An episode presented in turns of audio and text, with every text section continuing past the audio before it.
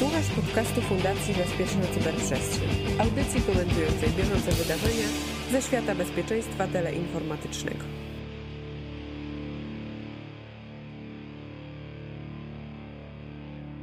Halo, halo, witam serdecznie. Z tej strony Marcin Frączak, Fundacja Bezpieczna Cyberprzestrzeń. Jest ze mną Michał Furmankiewicz. Tak jest, dzień dobry, cześć. E, chmurowisko.pl to nasze osoby zwiastują, że będziemy rozmawiać o chmurach e, i będziemy kontynuować dzisiaj e, ten wątek o bezpieczeństwie sieci. W poprzednim odcinku opowiedzieliśmy sobie o, o tym, jak chmura ewoluowała. Omówiliśmy sobie podział chmury na chmurę prywatną, publiczną, współdzieloną i hybrydową i zrobiliśmy takie e, małe wprowadzenie do tego, e, jakie, jaka komunikacja się odbywa z i do chmury. E, dzisiaj trochę czasu byśmy poświęcili na omówienie narzędzi. Nie mamy go zbyt dużo, więc skupimy się na tych narzędziach, które są oferowane przez Azura. Analogicznie są przez innych dostawców oferowane pod innymi nazwami, troszeczkę różnią się funkcjami, ale jakby idea jest ta sama.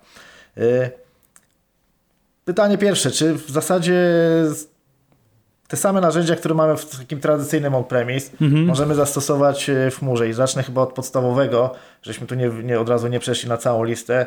Firewall, jak wygląda sytuacja w chmurze? Jak najbardziej są i rozwiązania na warstwie czwartej, są rozwiązania na warstwie siódmej, są rozwiązania natywne, które oferują vendorzy, są rozwiązania appliance'owe, które znacie po prostu z klasycznego rynku, mają niemalże ten sam interfejs, niemalże ten sam system operacyjny, czasami niektóre funkcjonalności no są inne względu na środowisko, ale jak najbardziej dalej to, to występuje, zarówno dla tego ruchu wchodzącego, wychodzącego, więc to jak najbardziej jest. Czy Azure ma swoje jakieś dedykowane w ramach tej usługi, czy można korzystać jeszcze z vendorów zewnętrznych w ramach jakiegoś marketplace'u? Both ways, y, czyli okay. to i to. I to i to, co zależy, co chcesz dobrać, co ile kosztuje, co jest dla ciebie prostsze. Różni klienci bardzo różnie decydują, co dla nich jest y, ciekawszym rozwiązaniem. Tak. Okej, okay. czyli Czyli klasyczne firewall możemy chronić zarówno brzeg, y, tak. jak i wnętrze. Tak, sieci. tutaj się głównie skupiamy na tym, żeby chronić mimo wszystko jednak te warstwy aplikacyjne, te warstwy wyższe. E, bardzo często u klientów zakładamy, że to, co w tej sieci już cloudowej wewnątrz jest, no to już tego nie segmentujemy, znaczy segmentujemy, ale już nie, nie robimy firewalli wschód-zachód, chociaż niektórzy chcą, a raczej skupiamy się na tym właśnie brzegu, tak jak powiedziałeś, ruchu wchodzącym z data center i ruchu wchodzącym z internetu, czy też z innej sieci, który, który przychodzi. Tak.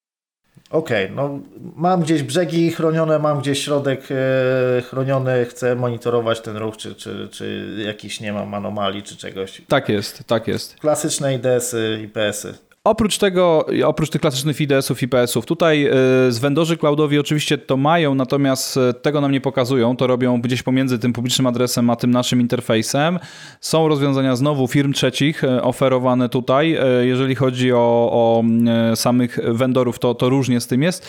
Natomiast tutaj jeszcze trzeba powiedzieć sobie, jeżeli chodzi o samo filtrowanie tego, co przychodzi, to są rozwiązania, które na przykład pokazują nam ruch przychodzący, pakiety, pakiety pokazują nam skąd ten ruch przychodził, dokąd, jak taka warstwa aplikacyjna, więc tutaj jeżeli mamy możliwości e, nasze, po naszej stronie wyfiltrowania, znaczy zidentyfikowania, że to nie jest ruch niechciany, no to jak najbardziej możemy to zrobić. Z fajnych rzeczy vendorzy przed pokazują e, przy ruch przychodzący z adresów o niskiej reputacji, więc to się czasem może przydać tak, w tego typu rozwiązaniach. Tunelowanie. Troszeczkę mówiliśmy w pierwszym odcinku, jakie tak. są możliwości, gdzie to możemy zrobić i w jakich sytuacjach. E, na dzisiaj, przynajmniej w tych sieciach, no to nie da się tego tunelowania jakby robić wewnątrz, natomiast e, absolutnie no, pomiędzy naszym e, data center a, a cloudem tak, pomiędzy innymi, nie wiem, klientami, którzy do nas przychodzą, jak najbardziej to tunelowanie to da, da się zrobić. Tutaj wewnątrz jeszcze nie, chyba, że coś zmienią te, te wszystkie implementacje dużych wirtualizatorów w cloudach, no to być może tam będzie inaczej inaczej. Tak, to zobaczymy. Okej, okay. no takie klasyczne zarządzanie w ogóle siecią mhm. no, no, nie wiem, na warstwie takiej software'owej. Tak, i tutaj e, oczywiście vendor ma swoją, każdy vendor ma swoją propozycję, swoje trochę nazewnictwo. E, bardzo łatwo się odnajdziemy w tym nazewnictwie, bo ono się gdzieś tam e, aplikuje na takie znane technologie wirtualizacyjne sieci, które duzi vendorzy typu, nie wiem, na przykład Cisco oferują. Natomiast to, co można jeszcze mm, jakby sobie tutaj dołożyć, e, jeśli, jeśli chodzi o to, to rozwiązania znowu, które są centralne i, i tym, ruchem, tym ruchem w takiej sieci sterują, więc znowu kilka, kilka możliwości tak naprawdę. Okej, no to tutaj jakby kolejne tematy izolacja i segmentacja. No izolacja, no wspomnieliśmy już trochę o firewallach. Tak. Y, Jakie są jeszcze mo- możliwości, narzędzia, żeby się odizolować? No szczególnie y, mówię tutaj o chmurze publicznej, gdzie mamy to y, środowisko współdzielone i oprócz tego, co nam oferuje domyślnie y, przy tworzeniu tego środowiska vendor, czy jakie my mamy możliwości? No przede wszystkim e, tutaj e, znowu, tak idąc od góry staku, no my możemy e, zdefiniować swoją tą prywatną sieć, my możemy ją posegmentować, o tym żeśmy mówili, my możemy zdecydować, e, czy te podsieci będą ze sobą gadały, czy nie, E, jak będzie wyglądał ruch wychodzący do internetu, jak będzie wyglądał ruch przychodzący, to, to jak najbardziej. Możemy dostawić urządzenie, możemy zbierać w ogóle cały ruch, który jest wymieniany, więc to też mamy łatwo. Możemy użyć narzędzi odfiltrujących warstwy siódme. To, to, to też jest łatwo rabialne. Jest dużo w ogóle narzędzi pozwalających zabezpieczyć nam nasze API, nasze aplikacje. Tu rzeczywiście tego się sporo dzieje, ale są też narzędzia, które pozwalają nam testować, czy nasze zabezpieczenia to w ogóle są skuteczne. No bo fajnie, że żeśmy sobie ten ruch e, tam porutowali i posegmentowali. Pytanie, czy rzeczywiście on spełnia nasze, nasze oczekiwania. A więc mamy narzędzia, które pozwalają testować, czy z danej maszyny, czy z danego us- usługi ruch może gdzieś, e, gdzieś nam wyjść. To to jak najbardziej możemy robić. I są jeszcze takie e, dodatkowe narzędzia, które już, e, a w zasadzie e, element, konfiguracje usług, e, które wynikają ze specyfiki usługi. A więc załóżmy, że mamy te konta składowania danych i my nie chcemy, żeby do tego konta mógł każdy pisać z dowolnej sieci. My możemy wskazać, że tylko z wybranej sieci tam możemy pisać. My możemy wskazać, że żeby się w ogóle, że na przykład dostęp do pewnych środowisk jest czasowy, czyli te porty są otwierane tylko na pewien czas, za pewną zgodą, tylko dla pewnych użytkowników. Z takich ciekawszych rzeczy, które wychodzą z warstwy sieciowej, ale są ciekawe i będziemy o tym więcej mówić przy tożsamości, my możemy wymóc, że dana usługa potrafi danać, gadać z inną usługą tylko jeśli przedstawi się odpowiednią tożsamością, która zarejestrowana jest w systemie tożsamości. Czyli już nie tylko warstwa sieciowa jest potrzebna, ale jeszcze ta tożsamość, która nie jest przypisywana do użytkownika, tylko do usługi, co jest, co jest troszeczkę inną koncepcją e, tutaj. No i trzeba warto jeszcze powiedzieć chyba o tym, że wielu klientów szuka rozwiązań, które są cross, czyli Działają u mnie, działają w cloudzie, działają w innym cloudzie i na przykład tutaj już żeśmy przed podcastem rozmawiali o Tufinie, który potrafi takie rzeczy robić, ale również, nie wiem, Checkpoint, e, gdzie mamy konsolę on-premową, a rozwiązanie usługę w cloudzie, e, rozwiązanie checkpointowe i możemy z on-prema narzucać polityki do tego rozwiązania w cloudzie i sterować tym centralnie, więc to jest też jakby ciekawe. Czyli tu miks wielu, wielu technologii tak Czyli naprawdę. Powiedziałeś o tej interoperacyjności, tak, która z, tutaj da nam właśnie te możliwości tak zwanej orkiestracji, tak, tymi, Tak. tymi e, narzędziami słowo. bezpiecz- tak, takie staropolskie e, i wspomniałeś też właśnie o tym modelu, tak o, o tej segmentacji i tego dostępu, e, zahaczając trochę już o tę właśnie koncepcję tego Zero Trust Tak. model, która e, od kilku lat jest e, mocno e, promowana i chyba to jest słuszne podejście, gdzie zakładamy, że już nie tylko chronimy brzeg sieci, a także brzeg naszych tych segmentów, które żeśmy sobie utworzyli, Mhm. ale zakładamy, że no, nikt nie jest zaufany, który nawet e, dostanie dostęp albo go uzyska w sposób nieautoryzowany. Tak? No, to nie, nie mamy jak rysować, ale wyobraźmy sobie, że mamy zamek i chronimy te mury, tam ta, wszystkie straże e, są na tych murach, ale jak już ktoś nam zrobi jakiś podkop, czy do, do, dostanie się jakimś e, tunelem kanalizacyjnym, e, to już jest w środku, może wejść do wszystkiego. Nie? No, Tak. Musimy każdą komnatę, każde, każdą przestrzeń w tym zamku jednak zabezpieczyć i tak jak mówiłeś, no są tak jakby to y, zarządzanie dostępem jest w, kontekście jakimś, tak? Czy to są godziny pracy, czy to jest rola użytkownika taka tradycyjna, czy to jest coś, co on posiada, na przykład może się zalogować jakimś urządzeniem, Tak. czy to jest tylko po jakimś porcie, który jest wykorzystywany do tej usługi. Ileś tych atrybutów sobie y, budujemy ten kontekst właśnie w, w atrybutach. Y, Nawet czy on posiada odpowiednie kwalifikacje, żeby robić na przykład coś na No, środowisku. czyli uprawnienia tak naprawdę, tak, tak, byśmy dokładnie. powiedzieli. Na, na środowisku deweloperskim, czy akurat e, ma kompetencje do tego, że e, jakieś poświadczenie, że zna jakiś język, który akurat w tym środowisku deweloperskim Tak. e, jest. Więc tutaj ta e, segmentacja, sprowadzam się już do mikrosegmentacji, Oczywiście no jest to dosyć skomplikowane, no ale w, w chmurze wydaje się, że jest to po prostu niezbędne. I tu jeszcze jeden taki z takich elementów, które występują oczywiście w środowiskach on-premises, natomiast tu są bardzo łatwe do implementacji. My możemy właśnie dążąc do tego, żeby kontrolować ten ruch, nakładamy na przykład na takie rozwiązania jak Service Mapa czy, czy, czy, czy, czy inne, które pozwalają nam z wnętrza maszyn, które się komunikują, zobaczyć cały ruch wychodzący i przychodzący, zobaczyć do czego ta maszyna gdzie uderzała, po jakim porcie, po jakim protokole, kiedy, wyrysować sobie taką mapę i jeszcze y, cały ten ruch zrzucić do narzędzia, które jest, które poindeksuje wszystkie te dane i zapytaniami ala SQL-owymi, tak, e, podobnymi do powiedzmy zapytania Elasticsearcha, e, do języka Lucene, my możemy sobie odfiltrować te wszystkie, te wszystkie rzeczy, zwizualizować, zapiąć do tego alerty, więc to, co dla mnie jest takim, taką wartością, że ja mogę tutaj wprowadzić dużo, dużo automatyki wokół tego i zobaczyć ten mój model Zero, teraz to rzeczywiście działa, bo co z tego, że ja go zaimplementowałem? Pytanie, czy jest e, działający. I kolejna rzecz, widać, że vendorzy cloudowi też wyczuwają, że ten problem jest, że mamy czasami zbyt mało kompetencji u siebie, więc dają na przykład możliwości automatycznego hardeningu sieci.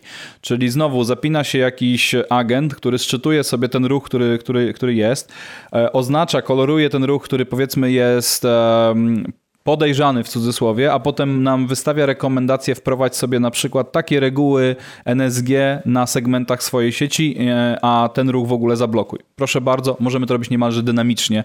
Co dobrze brzmi na podcastach, słabo brzmi w praktyce, bo dynamizm jest czasami zbyt duży, ale rzeczywiście jak ja mam rekomendację, mogę jako człowiek ocenić, czy ona ma sens, a nie muszę robić tej żmudnej roboty weryfikacyjnej, więc to jest, więc to jest bardzo atrakcyjne z mojej perspektywy.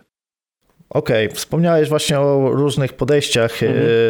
e, zarówno vendorów, jak i też klientów, które, którzy instalują pewne e, rozwiązania. Tak. E, czy w samej chmurze mniej więcej wiemy, jakie są narzędzia, ale czy sam, z Twojej perspektywy z Twojego doświadczenia wynika, że sama chmura się przydała do tego, żeby ten poziom bezpieczeństwa zwiększyć? Jakieś nie wiem, sytuacje z życia wzięte? Tak, tak, tak. No mamy, mamy dwa takie, które są moim zdaniem ciekawe. Jedno takie. Yy które mi się podoba, e, aczkolwiek ktoś może powiedzieć, no co w nim ciekawego. Wyobraźmy sobie firmę, która bardzo szybko się rozwija, jest w kilku krajach, ma, ma ileś takich e, wyspowych punktów, w których pracują pracownicy. No i klasyczne problemy, gdzie firma rośnie, biznes rośnie szybciej niż IT. E, nie wiem, brak standardów, brak chociażby wspólnej domeny, brak polityk, które są spuszczane na wszystkie te obszary. No i e, żeby chociaż w ogóle złapać, jakiego, z jakiej skali problemy mamy, no to pada decyzja, no dobrze, to poinstalujmy na desktopach i serwerach agenty, zbierzmy tą informację w jedno miejsce, akurat do chmury. My już mamy napisanych ileś takich zapytań, które nam pokazują te sytuacje, mm, powiedzmy, że krytyczne, czy też te, które są podejrzane.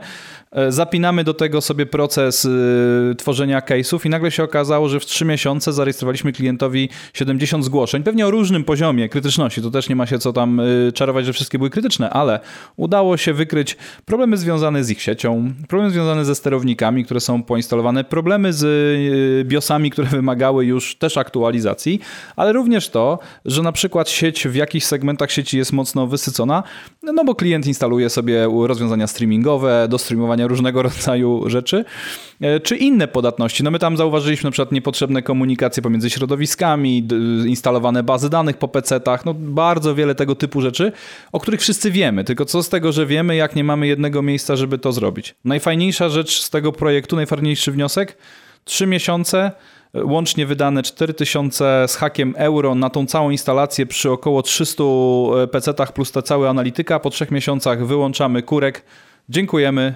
więcej kosztów nie ponosimy. Także to był jeden z takich e, projektów.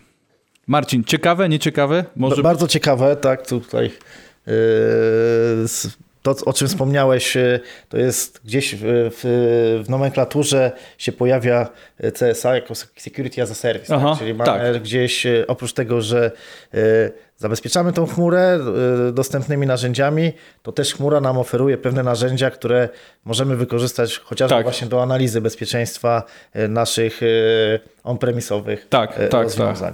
Tak. Drugi taki case, który myślę, że może być też ciekawy, to jest e-commerce, którego żeśmy ostatnio migrowali do, do cloudu i tutaj co ciekawego się okazało, że ich mocna utylizacja nawet w Black Friday czy inne dni nie zawsze wynika z klientów, tylko tak, tylko wynika z z po prostu botów, które, które ich tam uderzają.